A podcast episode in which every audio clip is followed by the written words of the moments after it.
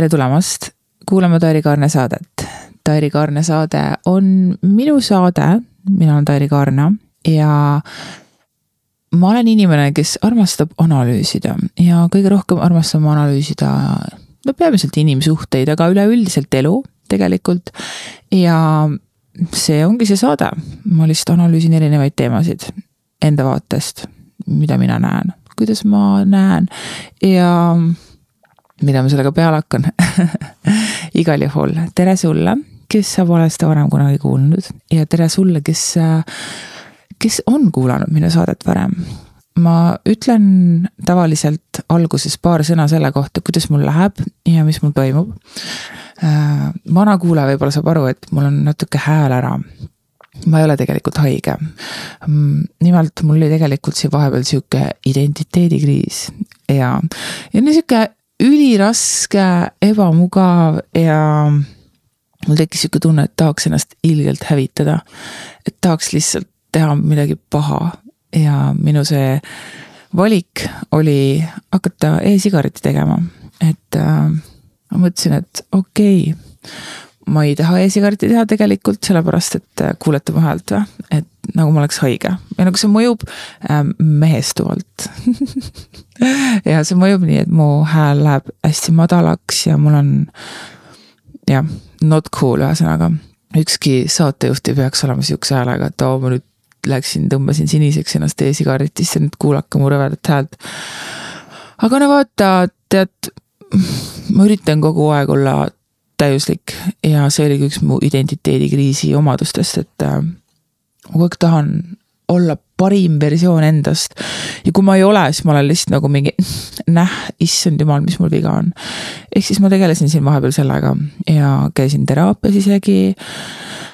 ütleme nii, et üks keerulisemaid aegu üldse on viimased kaks kuud olnud ja ma olen päris paljusid kuulnud, et päris paljudel on täpselt samamoodi praegu võib-olla lihtsalt mina juhtun nendega kokku sellel hetkel või noh, pigem ongi see aga või noh, elu on ju peegel, et äh, ma näen seda, mida ma ise kogen. ja ma kogen praegu rasket elu, kus ma tõmbasin e-sigaretti, aga ma nüüd läksin, viskasin selle ära niimoodi, et seda sai veel tõmmata. nii et sellega on all good mm,. pluss ma tunnen ennast jälle paremini, sest et kutid. esiteks ma salvestan, on ju, teiseks mu ees on minu vlogikaamera ehk ma laen seda. ja see tähendab ainult seda, et ma hakkan filmima. ja ma olen sealmaal, kus ma kassisin päris pikalt või noh, poolteist kuud.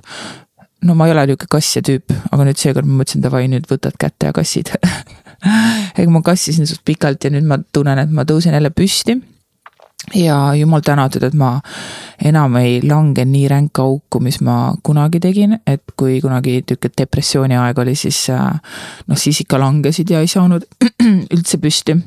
ja täna ma tundsin kohe sihukest vana mustrit ka või noh, praegusel ajal ma tundsin sihukest vana mustrit ka, et et hmm, hakkas raske aeg pihta, minu sihuke mürgine viis on tavaliselt endaga teha seda, et ma söön enda emotsioonid alla. aga seekord ma ei teinud seda, ehk siis oh my god, Taili, sa oled nii tubli. aga selle eest ma hakkasin e-sigaretti tõmbama.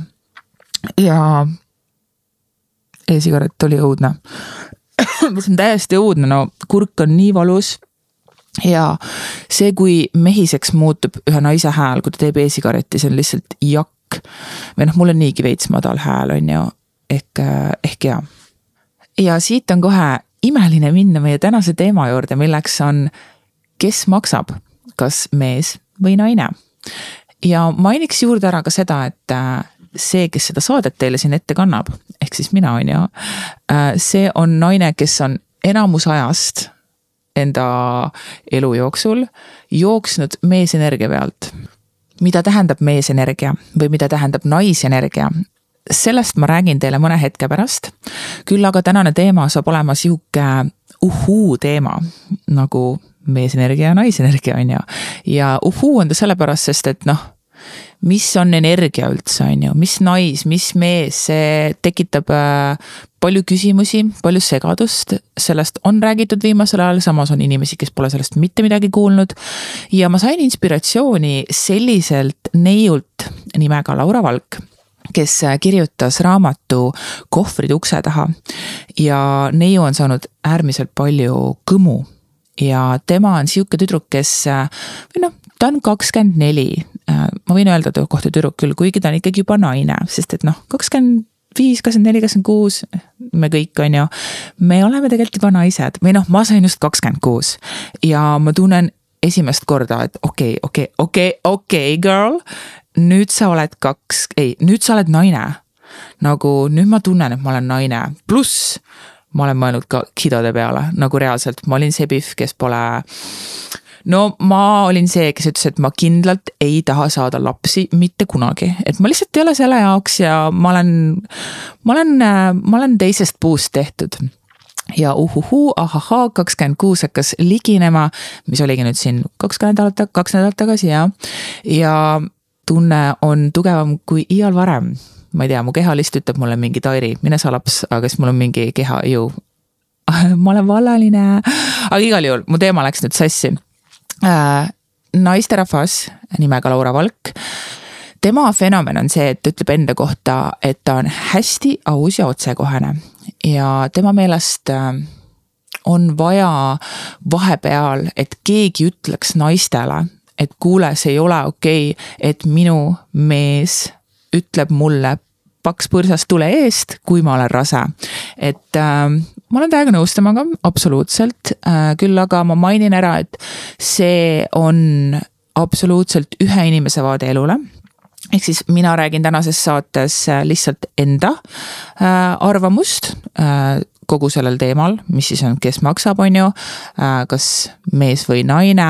ma ütlen ära, et ma ei ole lugenud seda raamatut ja mm, väga hea, et ma ei ole, sellepärast et äh, siis mul ei ole nagu mitte millegile toetuda ja arvamusi võtta tänasel teemal. et äh, siis ma ei noh, ikka, ikka mu arvamus on tulnud muidugi kõikidest minu ümber olevatest asjadest, see on loogiline, on ju, ma ise ei mõtle midagi siin välja aga, aga, aga noh, sellegipoolest ma ei ole lugenud seda raamatut ja raamatut ei saa tegelikult kaane järgi hinnata ja ma ei taha seda täna ka teha, vaid tegelikult ma tahan arutleda selle teema üle rohkem individuaalselt ja enda spektrist lähtuvalt. Ja lisaks sellele raamatule ma vaatasin ka sihukest äh, saadet nimega Laser, kus oli episood, kus intervjueeriti siis Laura Valku ja tema vastu and-, andis väidet äh, seksoloog äh, Kristiina Pirk-Vellemaa. peamine fookus viidi seal episoodis siis nais- ja meesenergiale. et mida need tähendavad, kuidas need omavahel toimivad ja siis seal toodi hästi palju igasuguseid näiteid ja noh, üks oligi see, et äh, Laura ütles, et mees võiks maksta arved ja siis see seksuoloog väitles vastu, et ei see on kiviaeg ja selline suhtumine ei ole lahe asi, mida näidata siis äh, eeskujuks noortele neidudele. ja Laura Valgu meelest äh, mina sain vähemalt niimoodi aru, et, et tema meelest oleks aeg hakata naistel ennast väärtustama. ja lisaks ta päriselt arvabki, et ainult mees peakski restoranis arveid maksma. Äh, käima autot pesemas ja tegema nii-öelda siis neid meeste tegusid ja töid. ja seksuaalkasvatuse ekspert seal kõrval siis oli, et äh, ei see on väga mürgine pilt sellest, kuidas olla atraktiivne naine või kuidas olla õige naine või õige mees, et, et tänapäeval need asjad enam niimoodi ei käi. Laura tõepoolest on väga konkreetse arvamusega naisterahvas ja tema ütleski, et, et talle ei meeldi, kui naised räägivad, kui iseseisvad nad on ja ühtlasi tema meelest peaks teenima rohkem raha suhtes olles mees ja see ei ütle, et ta ei öelnud seda, et noh, naine peaks nüüd hulga vähem teenima või midagi sihukest, aga et see oleks sihukene ideaal. ja Laura Valk on äärmiselt populaarne ja kogu tema teema on praegu äärmiselt populaarne, et ta on juba raamatut müünud kuus tuhat eksplem-, eksemplari, eks, eksemplari mm. -hmm ja eksemplari ja tal on kakskümmend tuhat jälgijat. ehk siis äh, tüdrukul on publikut, äh, kes vajavad tema infot mingil määral ja täna ma tahangi jagada teile siis kogemust läbi selle spektri, kus ma ise olen olnud. ja mina olen olnud selles meesenergias ja ma kohe räägin, mis see tähendab, on ju, ärge muretsege. aga ma tahaks rääkida, et kuidas see mulle mõjus ja samal ajal mu kaaslasele äh, on mõjunud või noh, mu endisele kaaslasele. ja et äh, ma olen kogenud teatud äärmusi ja nendest äärmustest ma tahan täna ka rääkida. See äärmus, kui naine on liiga boss, hashtag mees on ju, ja see äärmus, kui mees on liiga macho ja peidab ennast selle naisenergia eest. ja loomulikult ma kavatsengi arutleda ja rääkida teile, et mis see mees ja naisenergia üldse ongi, on ju. et mis energiatest ja mis uhuust sa siin jahud, Tairi äh,, naise ja mehe dünaamikast ning äh, kuidas siis alfa ja beeta peaksid minu meelest jaotuma ja kes siis ikkagi maksma peaks ja siis räägingi väikese loo ka milline on olnud minu kogemus raha jaotamisel. millest ma siis räägin? mis on naisenergia ja mis on meesenergia, millest sa, Tairi, räägid, äh, mis energiatest sa üldse räägid, miks sa räägid? igal juhul, ma räägin sellest sellepärast, sest et äh, tegemist on faktiga. ja fakt on see sellepärast, sest et absoluutselt kõik asjad siin ilmas kannavad äh, endas kahte omavahel polaarset jõudu milleks ongi siis mehelik printsiip ja naiselik printsiip. ma ründan kohe Vikipeediat, sest et äh, noh, ikka tahaks ju vaadata, mis Google ütleb igal juhul, Vikipeedias on siis kirjas, et naisenergia ehk siis yin on selline vastuvõtlik ja meesenergia ehk siis yang on aktiivne, mida siis nähakse kõigis muutuste ja erinevuste vormides nagu näiteks aastane tsükkel. on talv ja on suvi, on ju, siis äh, maastik, põhjapoolne, vari ja lõunapoolne heledus. ja loomulikult on siis seksuaalne side, naised ja mehed. Et no hästi sihuke loogiline ja yin ja yang on siis äh, Hiina filosoofiline mõiste, aga me kasutame täna pigem sõna nais- ja meesenergiast, et see yin ja yang võib sassi minna, et oota, kumb see nüüd oli ehk jah, need terminid kirjeldavad siis lihtsalt vastandlikke, kuid omavahel seotud jõude. ehk siis ongi nais- ja meesenergia ja esimene aeg tegelikult, mil üldse nais- ja meesenergiast äh, räägiti või no kuna see kontseptsioon kirja pandi, oli tegelikult neljateistkümnendal sajandil enne Kristuse sündi. oh my god, kui toreks see kõlas, aga jaa, see asi on nagu ülivana nagu ülivana ja ma ütlen selle, seda lihtsalt selleks, et, et no mõista anda, et see ei ole nüüd siin kaks tuhat kakskümmend kolm mingi populaarne asi, et oo, nüüd hakati energiatest rääkima, on ju. Et äh, see on olnud väga-väga pikka aega ühiskonnas. ja üleüldse ma usaldan täiega Aasia riikide tarkusi ja teadmisi või noh, Hiina siis on ju tänases kontekstis. et äh, need vennad on siin siin planeedil Maa juba väga pikka aega elanud, et kui meie siin mõtlesime selle peale, et äh, kas keegi tuleb ja võtab mu kodu ära, sõda ja kannatused, siis nemad said seal rahulikult äh, vegeteerida ja mõelda selle üle, mis elu on. ja ma usun, et neil on vastuseid. Ma ei ütle, et meil ei oleks, meil on ka omad vastused, me teame väga hästi, kuidas sitast saia näiteks teha. Ehk jaa, igalühel oma. Igas inimeses on välja kujunenud temale omane sisemine mees ja sisemine naine. ja siis äh, nende suhestumine ja mis siis avaldubki kehavormides, kehakeeles, emotsionaalne seisund, elamise strateegia, harjumused, veendumused. et see on sihuke noh, tundub ju loogiline, et mõni naine on rohkem naiselik mõni naine on rohkem mehelik. No olete ikka näinud ju vahet. Või siis mõni meesterahvas on nihuke noh, nihuke, issand, ta on veits naiselik või siis, et mm, ta on nii macho, isegi veits üleliia. me oleme kõik näinud neid inimesi. Ja ma räägikski siis natukene nendest erinevatest omadustest lihtsalt selleks, et seda pilti veel rohkem selgemaks teha.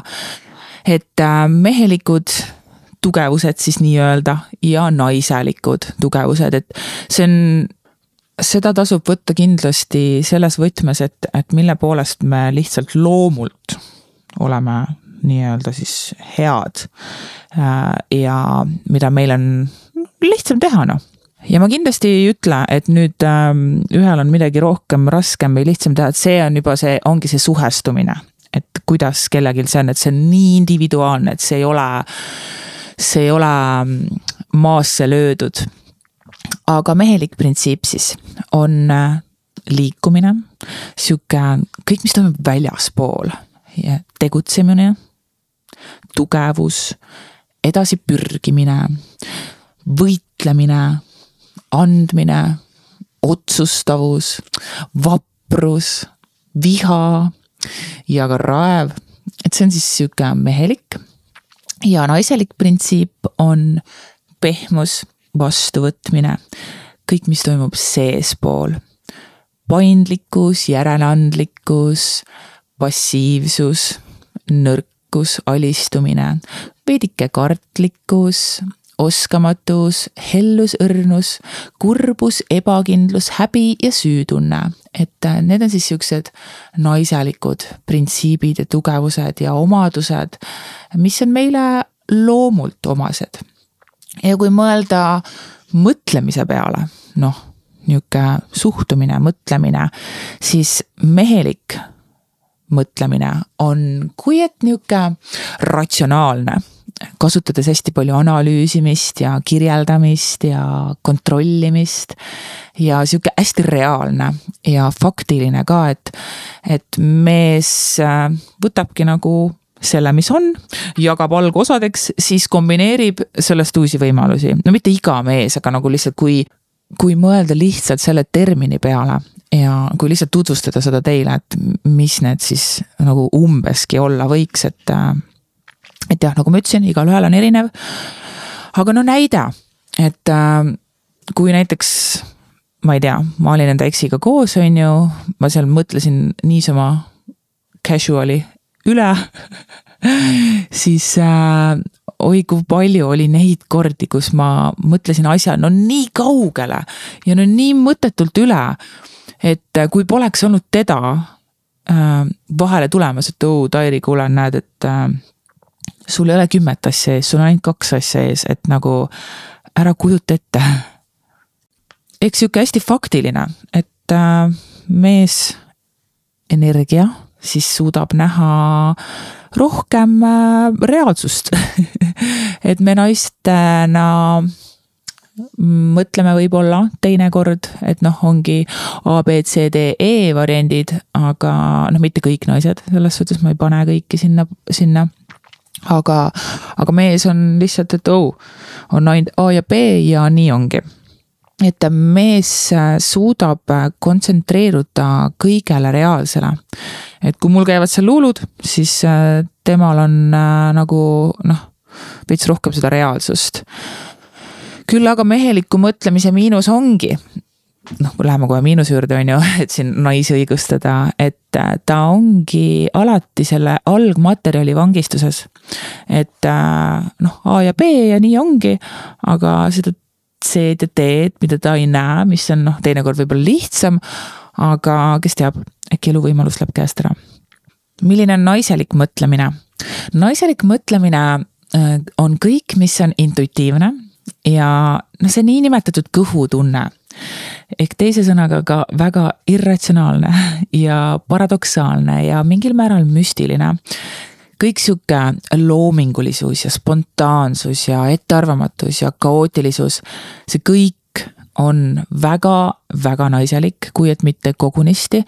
ehk näiteks loominguline mees, kes tegeleb äh, kõik, mis on loominguline, ma ei tea, söögi tegemine, joonistamine, õmblemine, äh, disainimine, kõik see on tegelikult tuleva naisenergiast ja ma hiljem natuke seletan ka, et miks ta ei pea kartma, miks tegelikult naisenergia on imeline, sest et see on see, mis loob ähm,. igal juhul jaa ma olen alati olnud sihuke super kaootiline ja üliettearvamatu, niimoodi ma ise ka mõtlen ja irvitan väga tihti, et issand, Ari kas see oled sina või? ja see on mul nii-öelda, ma olen öelnud, et see on nõrk koht, sest et noh, kui ma olin kunagi hästi kaootiline, siis ma ikka sain suht pähe selle eest, et noh, kõik asjad olid niimoodi mm, väga ebanormaalsed, või ma ütleks ebanormaalsed, aga nagu häirivalt sassis. ja siis ma olin pahane enda peale, et näh, miks ma olen selline ja miks ma ei ole korralik ja puhas ja miks mu tuba on alati sassis ja nüüd ma näen lihtsalt, et aa, ma olin naiselikus loovas energias vaata, kas vabandab ennast välja, on ju. igal juhul miinus siis äh, naiseliku mõtlemise juures äh, on see, et me jääme kinni kõigesse, mida me kogeme. et noh, nagu saa üle heita, on ju. aga no ei saa üle ja ma arvan, et kaks väga eri asja on ülemõtlemine ja naiselik mõtlemine. et äh, vahe on sees, kas naine on lihtsalt paigal püsimatu küüsinäri ülemõtleja, on ju. ja kes scroll ib teisi naisi närviliselt ja teeb tobi samal ajal või siis naine, kes paneb spontaanselt kokku seoseid, mis esmapilgul tunduvad võib-olla mõttetud, aga hiljem osutuvad tõeks. ehk äh, niisuguse ärevuse ja spontaansuse vahel on ka õhk-õrn vahe ehk kui nüüd nagu neid punkte vaadata, siis tegelikult on ju ehe näide elust, et jah, tõepoolest, meil on siin mingisugused energiat, mida me saame mingil määral rühmitada.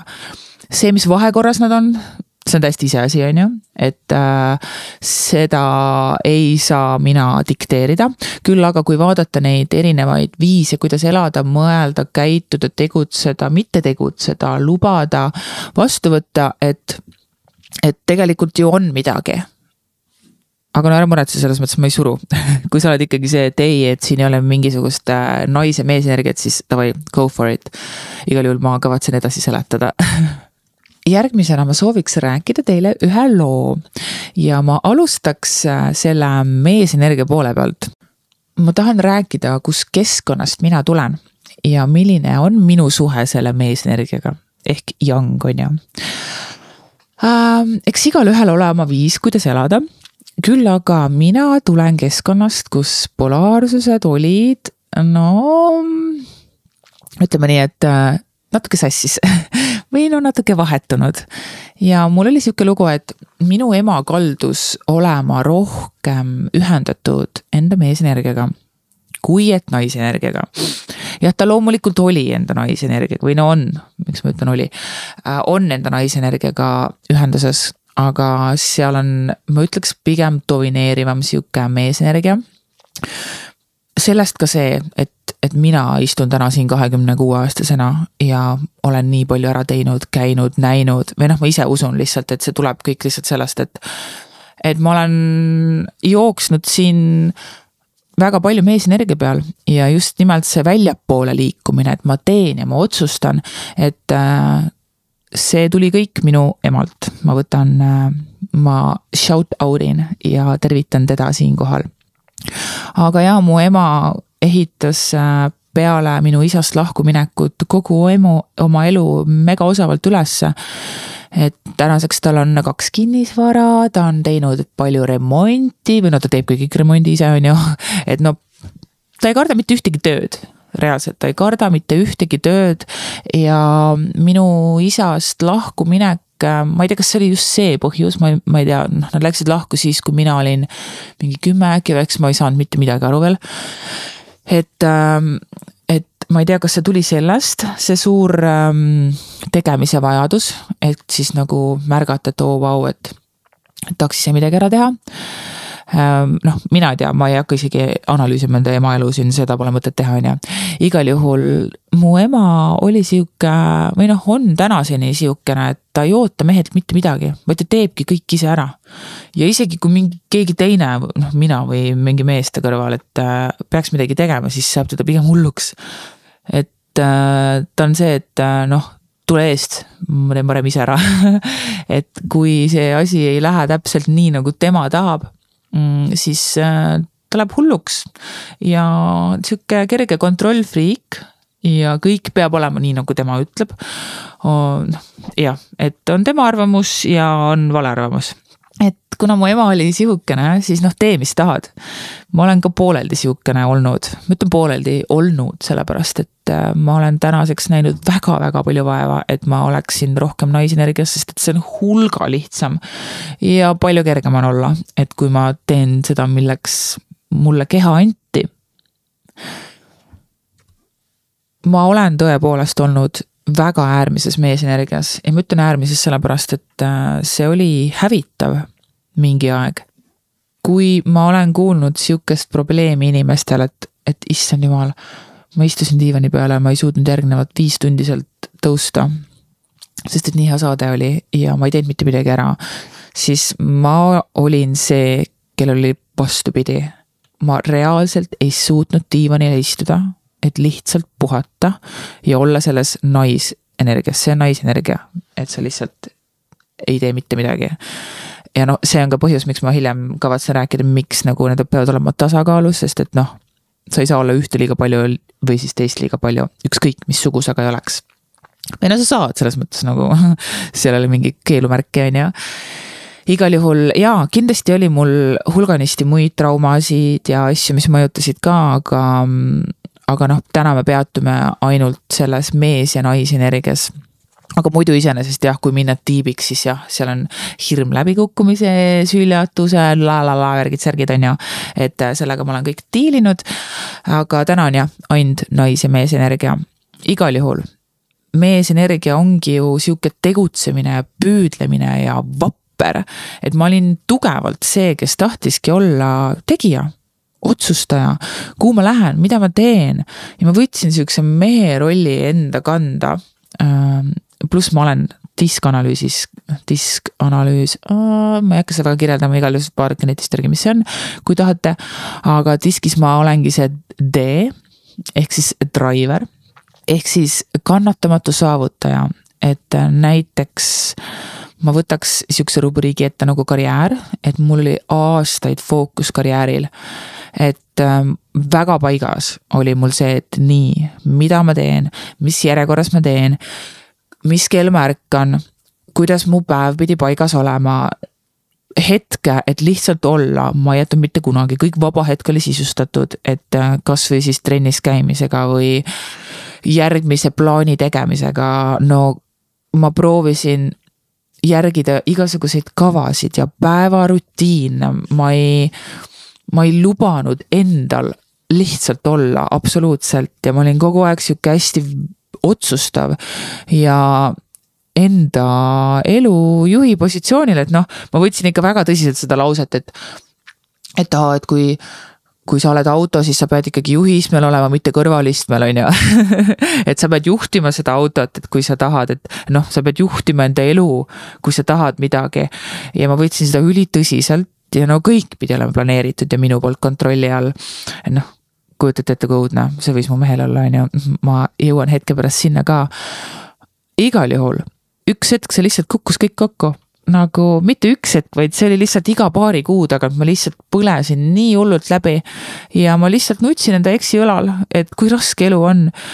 ja siis äh, ta alati suutis mind maha rahustada, et äh, Udairi, et vaata, kui palju sa teed, inimene, nagu vaata, mis, kui vana sa oled, kui noor sa oled mis sa kõike oled ära teinud, et nagu rahune maha.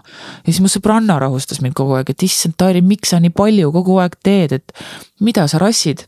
ma ei ole aastaid tööl käinud, on ju. ja kunagi mul oli enne Austraaliat sihuke aeg, kus ma olin Eestis aasta aega, siis ma ka tööl ei käinud. ja siis ma mõtlesingi välja endale nagu päevakavasid ja sul äh, jutumärkides kohustusi, et mida ma kõike tegema pean. ei, loomulikult ma pean olema see juhi positsioonil, aga no mitte üle. mitte üle, nii, mitte nii nagu mina, sest et noh, see tuli ikkagi sihukesest äh, rahulolematust rahulolematusest ja ärevusest ja mitte piisavalt tundmine ja ja niimoodi rassidest, no täitsa hullumaja noh. hullumaja päevad kadusid ära nagu noh, sihuke ekstreemselt palju kus ma ainult teen ja ainult pürgin ja ainult äh, noh, kogu aeg sihuke rapsimine käib. ja ma lihtsalt ei osanud muud moodi, sest et noh, mu ema on kõige tegija, kogu aeg teeb siis ma vaatasin ka, et okei okay,, naised peaks siuksed olema. või noh, ma räägin nüüd alateadvusest, ma ei teinud seda teadlikult ilmselgelt et mu alateadvus oli siis mingi, et aa okei okay,, naised peavad niimoodi tegema, tee samamoodi et sellises energias ehk siis meesenergias ainult tegutsemine viib üldjuhul ainult mingisuguste väliste saavutusteni. et jaa, ma olen saavutanud, ma olen väga uhke selle üle, et ma olen ise teinud podcast'i, äh, videosid, ma olen kirjutanud ähm,. ma olen saanud olla loov. ja, ja ma olen seda kõige, kõige nagu ellu viinud, et üks asi on see loov olemine, aga teine asi see kõige elluviimine on ju.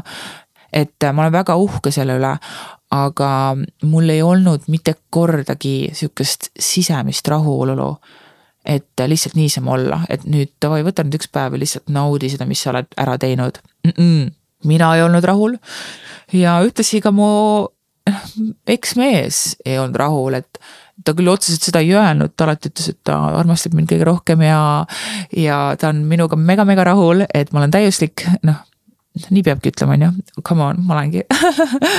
Ehk, ehk nagu ta alati boost'is mind, aga ma tegelikult nüüd täna vaatan, et, et noh, saab ka paremini. Igal juhul tänaseks ma olengi proovinud üheks enda elu osaks võtta selle, et, et jätta iga päev midagi juhuse hooleks. et nihuke hästi naine, ma ei kontrolli ja vaatan, mis saab. Ja minna rohkem vooluga kaasa ja olla hormoonias ehk siis naisenergias. või noh, kui päris aus olla, siis tegelikult äh, ma olen natuke üle, üle läinud sellega, sest nüüd ma olen ikka täielik ma ei näe küll välja sihuke, ma ütleks, või no võib-olla veits näen, aga et ma olen täielik hipster ja vahepeal mõtlen, et issand jumal, kas minust üldse saab enam kunagi normaalset inimest või? ma arvan, et ei saa või no mida tähendab normaalsus, on ju, aga nihuke klassikaline, käin täiskohaga tööl ja maksan arveid äh,. ei, arvatavasti mitte. tšau sina, tekstide kirjutamine. mis tunded sinus kerkivad kui sa pead kirjutama ükskõik millist teksti. no reklaamtekstid, blogipostitused, tootekirjeldused, koduleht oleks vaja ära sisustada või mõni muu veebisisu. kas sul hakkab aju valutama kohe, kui sa pead hakkama teksti kirjutama? Kui sa oled alustav ettevõte või tahad hakata midagi müüma või sa juba teed seda, siis mis sa arvad, kui oluline on see, et inimesed saaksid sinust päriselt aru? sinu müüdavast tootest või teenusest. sul on õigus, see on täiega oluline. inimene otsustab väga kiiresti esimese paari sekundi jooksul, kas ta usaldab sind ja see, mida sa oma tekstis lubad. fakt on see, et see on esimene samm selleni, kas sina saad soovitud müügi ning kas teine pool teeb ostu. tead mis? minu üks parimaid võimeid on teha seda musta tööd, mis sinul aju valutama paneb minu võime peitub seal, et number üks, ma suudan lugeda sind, mida sa öelda tahad ja number kaks, ma suudan panna ennast väga hõlpsasti lugeja rolli, selgitada välja sihtgrupi ning lähtuvalt sellest teha edasisi samme. Milline struktuur, millistest elementidest peaks üks tekst koosnema, hea pealkiri, ma saan sind aidata ma pakun professionaalset tekstide kirjutamise teenust, mis on loodud just sinu vajaduste järgi. tead ma võiksingi nüüd siin jutustama jääda, kui osav kirjutaja ma olen. aga ma usun, et kui sa oled minu podcast'i siiamaani kuulanud või vaadanud videosid või lugenud blogi, siis sa oled aru saanud, et ma suudan anda edasi sõnumeid nii, et igaüks saab aru, mida ma mõtlen. ja see ongi ju põhiline. kui inimene saab sinust ja sinu visioonist sada protsenti aru, siis toimub ka müük igal juhul minu pakutud teenuses ma aitan teha kõik sinu tekstid mõjuvaks. hinnad on väga paindlikud või mõistlikud, ehk saada mulle kiri ja teeme või teeme videokõne või saame lausa kokku, kui sul on vaja rohkem sisu luua. kirjuta mulle Tairi kirjutab at gmail.com. Tairi kirjutab at gmail.com järgmisena ma räägiks nüüd meestest ja siis nende suhtest nais- ja meesenergiaga. et äh, kui ma eelmises loos rääkisin naisena, kes on olnud palju meesenergias, siis nüüd ma räägiks äh, vastupidi. nüüd ma räägiks siis meestest, kes on äh, hästi tugevas meesenergias. et ma räägin just niipidi sellest, sest et äh, see on lihtsalt see, millega ma olen kokku puutunud. et ma olen kokku puutunud just hästi palju sihukeste macholike, supermehelike meestega. et mida tähendab supermehelik mees, on siis see, et noh, vähe juttu, palju konkreetseid tegusid, on ju, vähe tundeid, emotsioone, see-eest hästi palju kehalisi soove.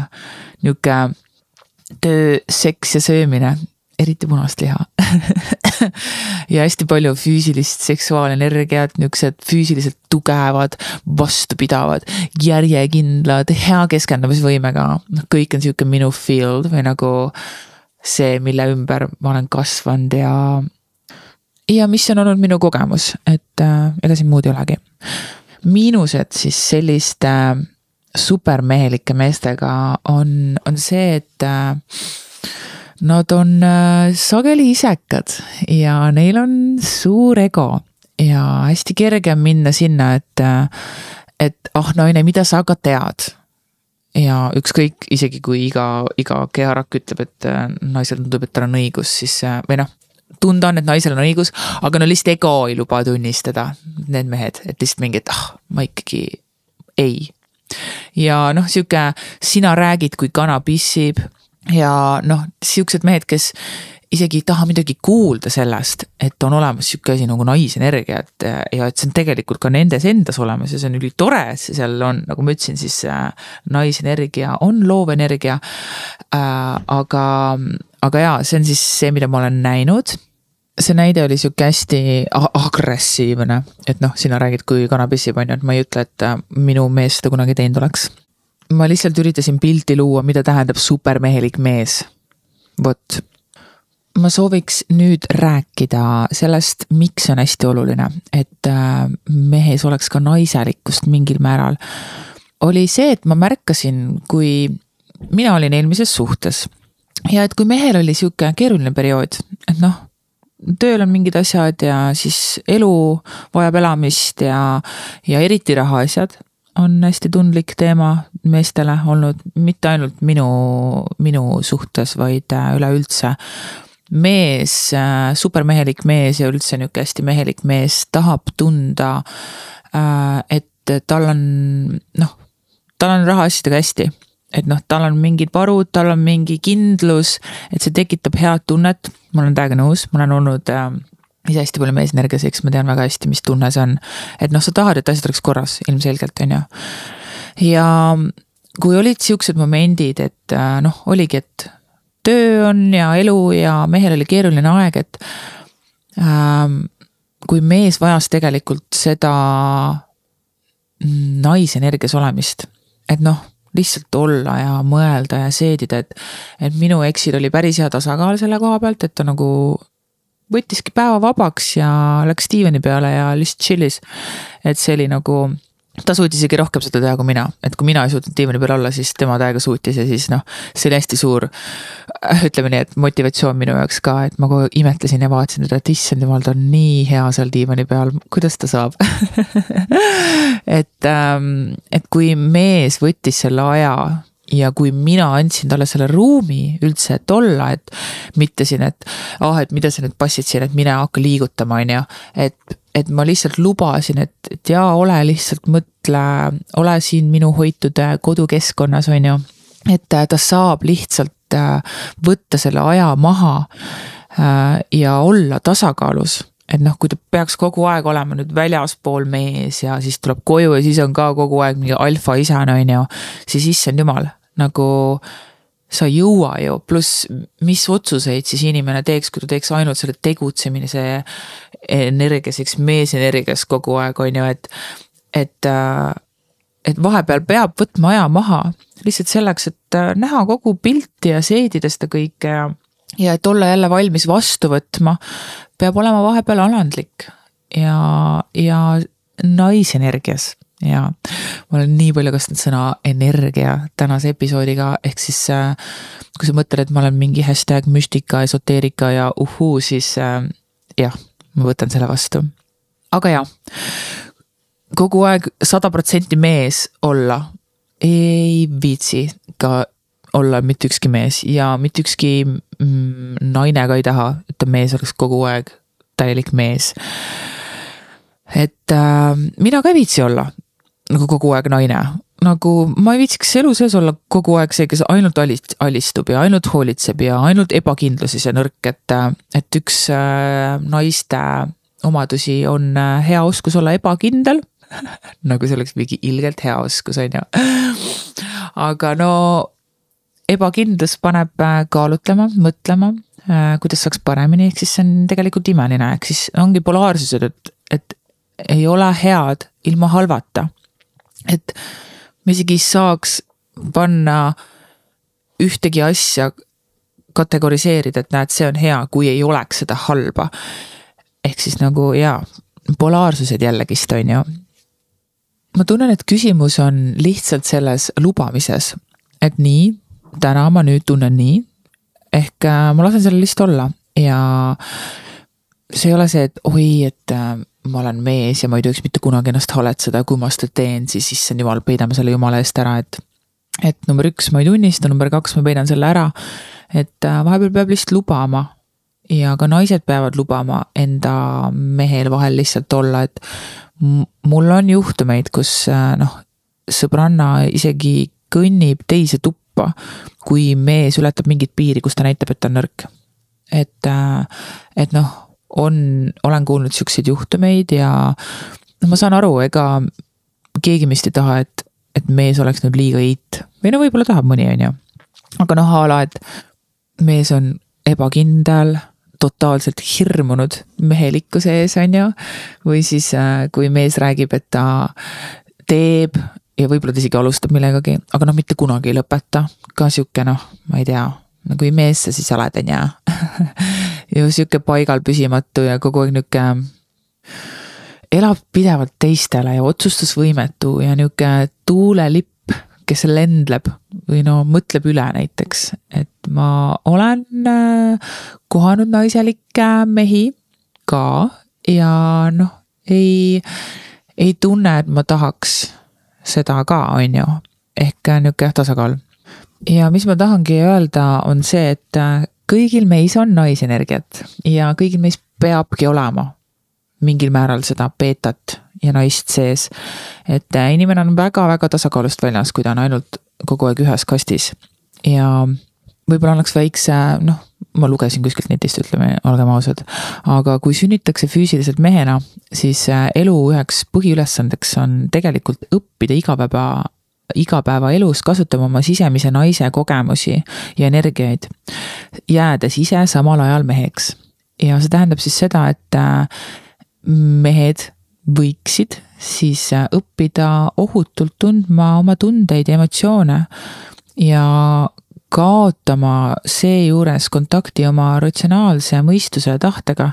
et noh, ükskõik kuidas mõistus vahepeal ei ütleks, siis lihtsalt vahepeal tuleb kuulata, mida emotsioonid ütlevad.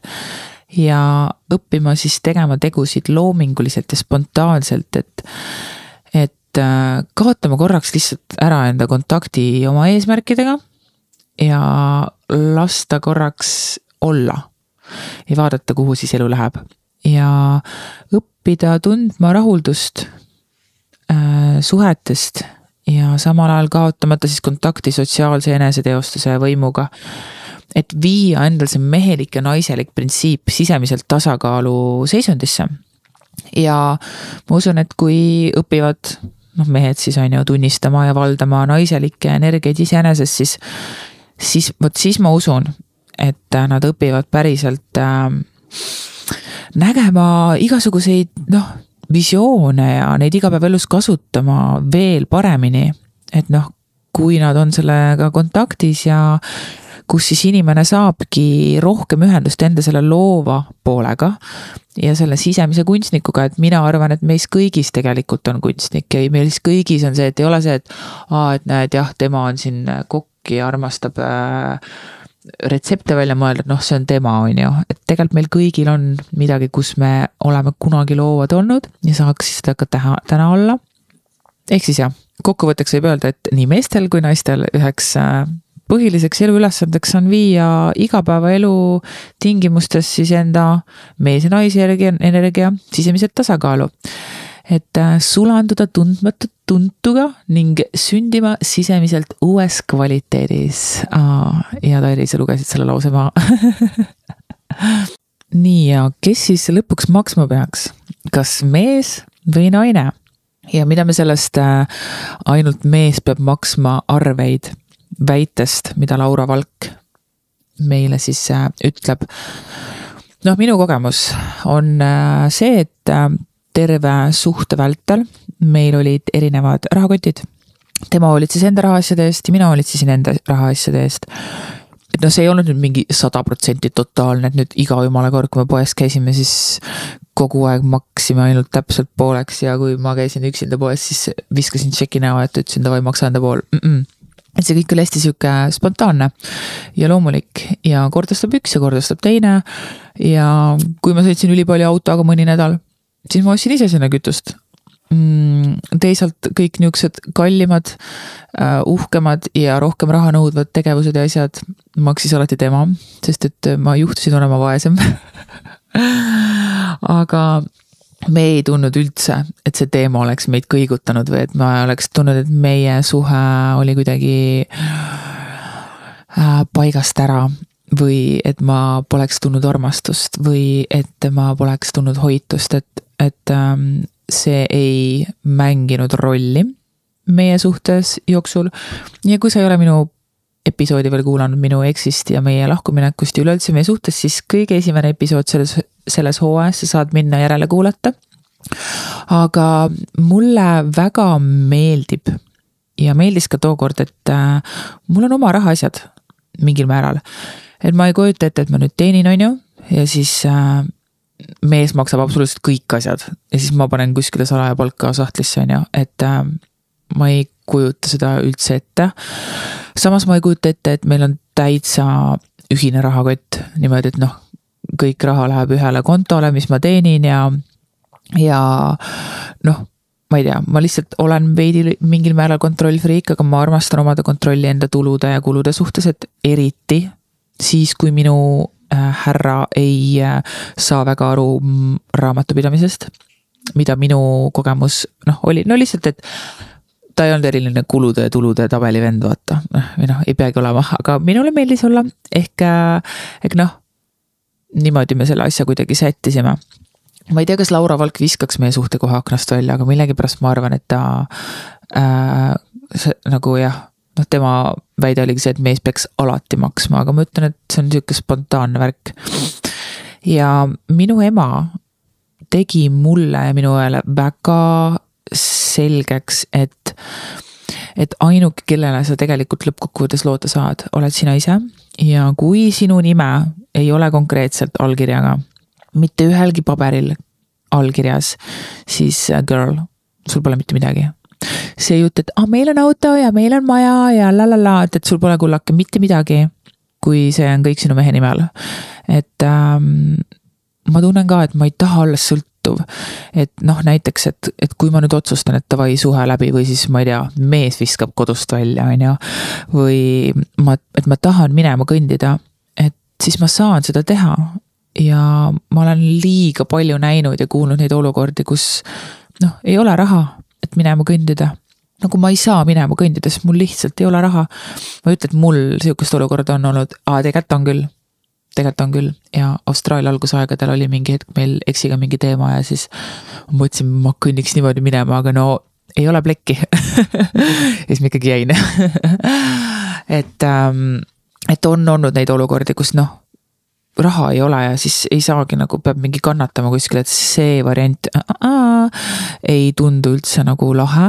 Ja ja kuidagi jaa, ema on selgeks teinud, et, äh, et äh, Tairi, vaata, minul oli nii, et ma ei mõelnud selle peale üldse, kuni selle hetkeni, et nüüd on lahutusmajas, on ju, et, äh, et tegelikult peab endal ka midagi olema.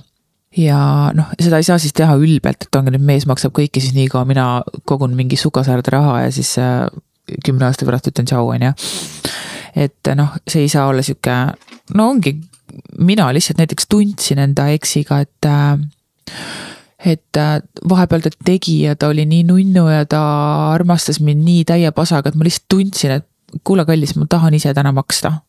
et äh, ma maksan täna ise, sest et äh, ma sain just palka ja mul pleki on ehk nagu vahepeal nagu oli see tunne ja, ja siis eksil oli väga hea meel, ta ütles, et anna minna.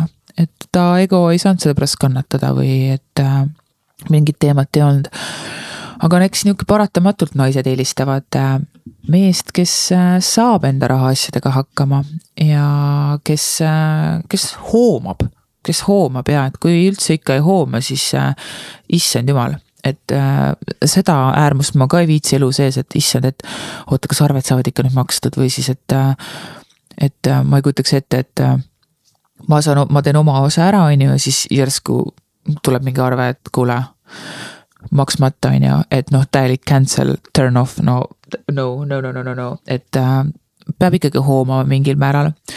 ja, ja noh, täiskasvanud mees peab saama hakkama endaga, et mul üldse tekiks usaldust, et noh, kui ta ei saa hakkama rahaasjadega, siis järelikult on tegemist veel poisiga, et ei ole veel meheks saanud.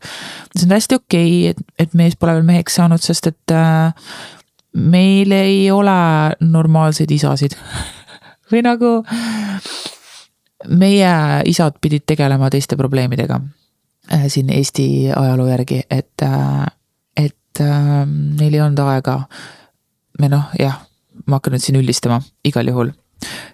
Turn off, täielik, kui mees ei saa enda rahadega hakkama.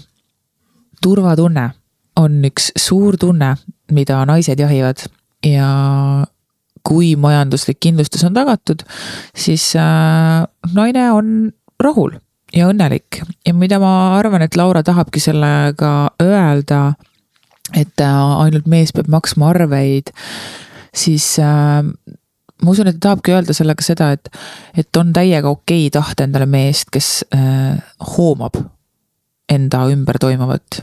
Ja et meie tublid naised ei pea asju kõike enda õlgade peale võtma, mida paraku toimub väga palju, et noh, naised on äh, ülitublid, tragid, teevad, möllavad, panevad hullu ja siis mees lihtsalt mingi loibab seal taga, on ju, et noh, see on äh, see on niisugune omavaheline dünaamika, mida noh, igasuguse, igasuguse suhte puhul see ei ole okei okay., et isegi kui naine sõbrannaga või naine emaga või mitte keda, keegi ei peaks kedagi teist üleval vedama ja järgi vedama. Ja kui mõni mees peaks seda kuulama ja mõtlema, et oh my god, ma ei hooma üldse enda rahaasju, siis dude, see on täiega okei. Okay nagu see oli asi, mida minule ka kaasa ei antud, mitte ühtegi sõna ei öeldud mulle peale selle, et äh, hoia raha kokku ja kogu raha. nagu cool story. Kõik, mitte midagi rohkemat, mitte ühtegi sõna. ehk äh, ma pidin seda õppima ja mõtlemagi endale mingi süsteemi välja ja see võttis aastaid aega, et. et ma kõigepealt lugesin mingi raamatuid, on ju, panin kirja, mis minule võiks sobida, proovisin, ei sobinud, läksin närvi. leidsin uue süsteemi, et see ongi sihuke elukestev õpe, et, äh, et seda peabki lihtsalt õppima, pole mitte midagi äh, rasket, nagu tegelikult õppimine on mega fun. ja ma motiveerin ja õppimist sellepärast, et, äh, et reaalselt mm, õppimine tekitab ja annab meie ajus dopamiini, mis on kestev ja tekitab tunde, et oh, ma olen kõva vend. Ja, ja annab sihukese mõnusa tunde, et oh, ma päriselt tegin midagi ära, ehk siis tasub proovida. Nii, ja kui see teema nüüd kokku võtta, kes maksab, mees või naine, siis äh, teate, ei väga nunnu on, kui mees äh, saab endaga hakkama ja kui mees maksab, see on ka tore, ilmselgelt mulle meeldib, kui mul välja tehakse. aga samas ma, ongi, ma mäletan väga hästi, et kui mu mees oli nagu nii hea mu vastu, nagu ta oli nii-nii tore, siis ma lihtsalt tundsin, et, et ma tahan ise vahepeal maksta. ja siis mul ongi, et oh, täna maksan mina. Et äh, tegelikult, kui mees hakkab armastama, siis mehed võivad olla väga suured armastajad, et äh, kui nad leiavad kellegi, kes on printsess, siis äh, nad teevad kõik, et teda ka niimoodi kohelda, et ma usun, et see on väga palju naiste enda teha ka, et kui me tahame, et meid koheldakse nagu printsessi, siis me peamegi olema nagu printsessid. iga moment andma endast parima. ja ma ei ütle seda sihukesest võltsist kohast, et ma ei tea, paneme üle nüüd, on ju. vaid lihtsalt, et äh, ma olen vääriline, siis ma käitun ka nagu vääriline selle jaoks. siia lõppu ma võib-olla tooks sihukese loo, et äh, arutleda natukene, et mis toimub, et äh, kuhu on siis kadunud naistel see kontakt naiselikkusega ja miks tänapäeval on naine see kõige tegija? Ja kuhu on ka meestel mingil määral kadunud see kontakt naiselikkusega või no sellest ma juba tegelikult ennem natuke rääkisin. aga kui siis naiste spektrist vaadata, siis nagu Laura ka välja tõi laserepisoodis, siis äh, mehe ja naise roll on tegelikult äh, juba muistsest ajast paika sätitud. ja oodake korra, feministid, ma selgitan äh, natuke seda teemat. aga mees on alati olnud see, kes käib väljas ja kütib ja naine on alati olnud see, kes on kodus, hoolitseb laste eest ja teeb rahulikke tegevusi. Ja see oli vanasti nii. ja, ja täna teevad kõik kõike ja ärge saage üldse valesti aru. ma tahangi kõike teha ja ma naudin kõige tegemist ja ma ei ütle nüüd, et me peaksime selle vana muistse mustri tagasi tooma. Äh, küll aga võib ikkagi arutleda selle üle, et mis toimub. no fakt on see, et naiseks olemise termin on tänapäeval muutunud. et noh, naised lihtsalt ei ole enam kodustes tingimustes ja me ei kasvata ainult lapsi. et äh, tänapäeva naised äh, kannavad igapäevaselt rolle, mis olid kunagi ainult meeste tööd naised on bossid, nad on ülemused, väga paljud meist on juhtivatel positsioonidel ja veel väga võimekad, et noh, vaadake Kaja Kallast nagu vau, lihtsalt su-, nagu apl-, aplodeerin talle nagu tõepoolest, et väga võimukas naine ja väga tark naine ja ja olla sellisel positsioonil ja sellise sellise mm, rahva jälgimise all ka samal ajal, oh my god! Et ähm, jaa, megatuus minu meelest, mida naised tänapäeval su suudavad teha. ühtlasi, mis tänapäeva äh, ühiskonnas minu meelest natukene ka veel on, et, et kumab seda veendumust läbi, et äh, kui sa oled ainult ema näiteks, et noh, siis sa oled luuser ja see ei ole piisav et aa, sa oledki ainult ema kodus või? et aa, et sa oledki siis see naine, kes ei ole mitte millegi muu jaoks piisavalt intelligentne. et minu meelest seda nagu kumab läbi ja pigem on sihuke nagu pigem negatiivne äh, vaade nendele naistele, kes on kodus ja ainult emad ma ei ütle üldse seda, et me peame kõik enda ärid prügikasti viskama põlle ette panema. et äh, minust samamoodi elus ei saaks ainult kodukana, kuigi nüüd ma viimasel ajal, ma ütlen ausalt, ma tahaks täiega olla lihtsalt kodus, kasvatada viite last ja chill ida või noh, mul on praegu sihuke moment, aga, aga lihtsalt see lõputu rapsimine sealjuures ka on äh, natuke kahjulik või noh, mulle lihtsalt oli, nagu te kogemusest nägite ja mina isiklikult äh, ei taha olla kogu aeg see boss, nagu ei taha. Ja äh, ma ei ütle, et Kaja Kallas ka kogu aeg boss on, ma kujutan ette, et ta, ta teab tegelikult, ma olen kursis olnud ka mingil määral, et äh, ka tema on lugenud äh, eelmises või üle-eelmises episoodis mainitud arhetüüpide raamatut, kus siis ta ongi pannud endale paika mingid piirid, et näe, nüüd ma lähen tööle, ma olengi seal meesenergias tegutsev, otsustav. ma lähen koju, ma olen meelega naine, selleks, et see dünaamika seal kodus püsiks. Äh, ta teeb selleks teadlikke samme, ehk äh, noh, jällegist aplodeerin täiega Kaja Kallasele ma ei valinud teda selles suhtes või nagu ma ei saanud üldse valimas käia, sest ma olen sisse kirjutatud Elvasse. okei okay,, ma ei tea, mingi side note see, vot see on naine, vaata, ei suuda ühest teemast lõpuni rääkida, viib mingi kolmanda teema sisse. aga võtan täiega vastu. kõik need äh, motivatsioonilaused, mis tänapäeval on see no pain, no gain. sa suudad seda isegi siis, kui on raske. see valu, mis sa täna tunned, on tugevus, mis sa homme koged ja nihuke no tee ikkagi, isegi siis, kui sa ei suuda sihuke ärme kuula enda keha ja sisetunnet revolutsioon, et see on kõik sihuke ilge meesenergia.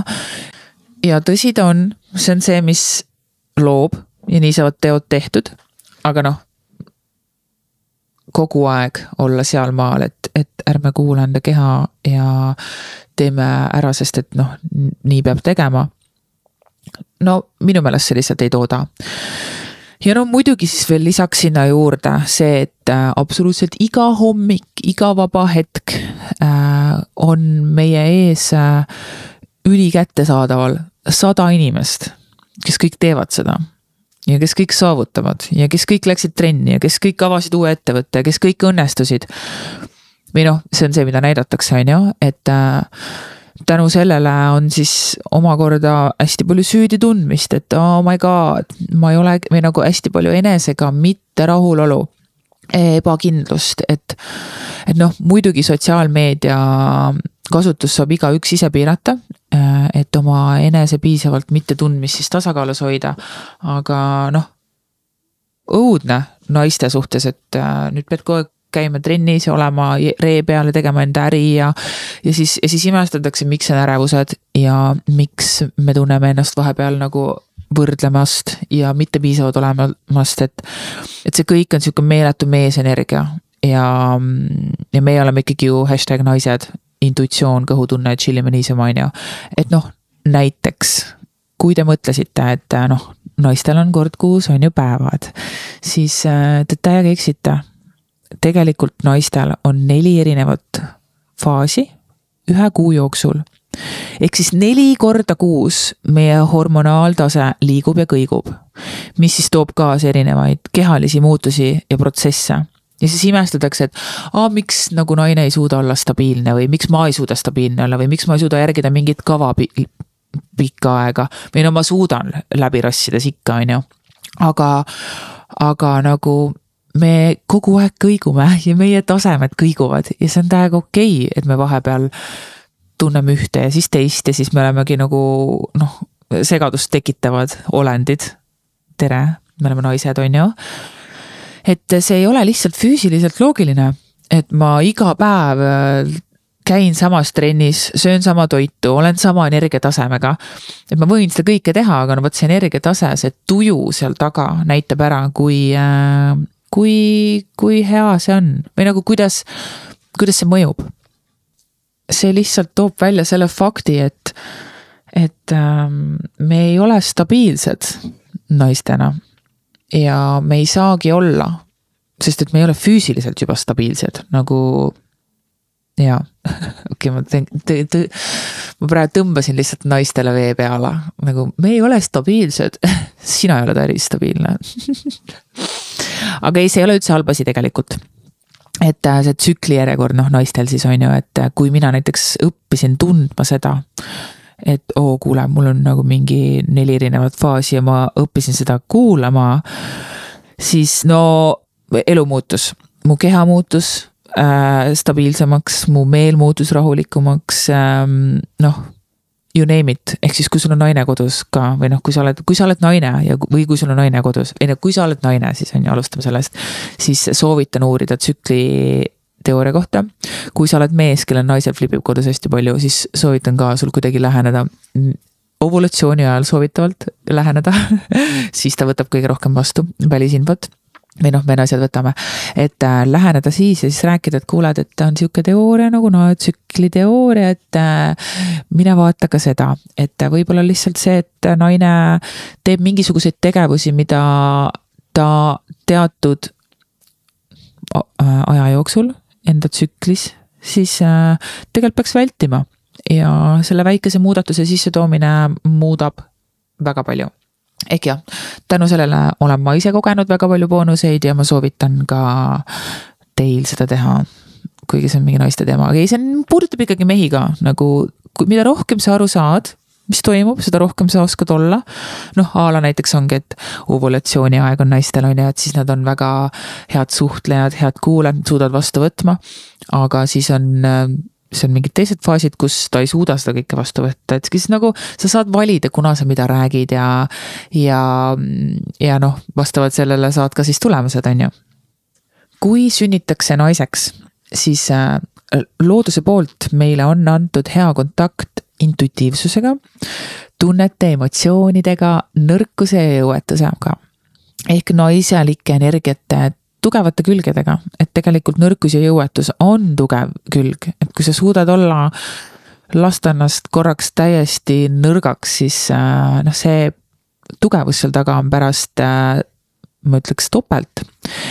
aga põhilisteks õppesuundadeks elus on naistel siis see, et äh, ratsionaalsust natukene rohkem hallata, soovide valdamist, säilitades siis oma emotsionaalsus ja otsustavuse, tahte, füüsilise tegutsemise õppimine.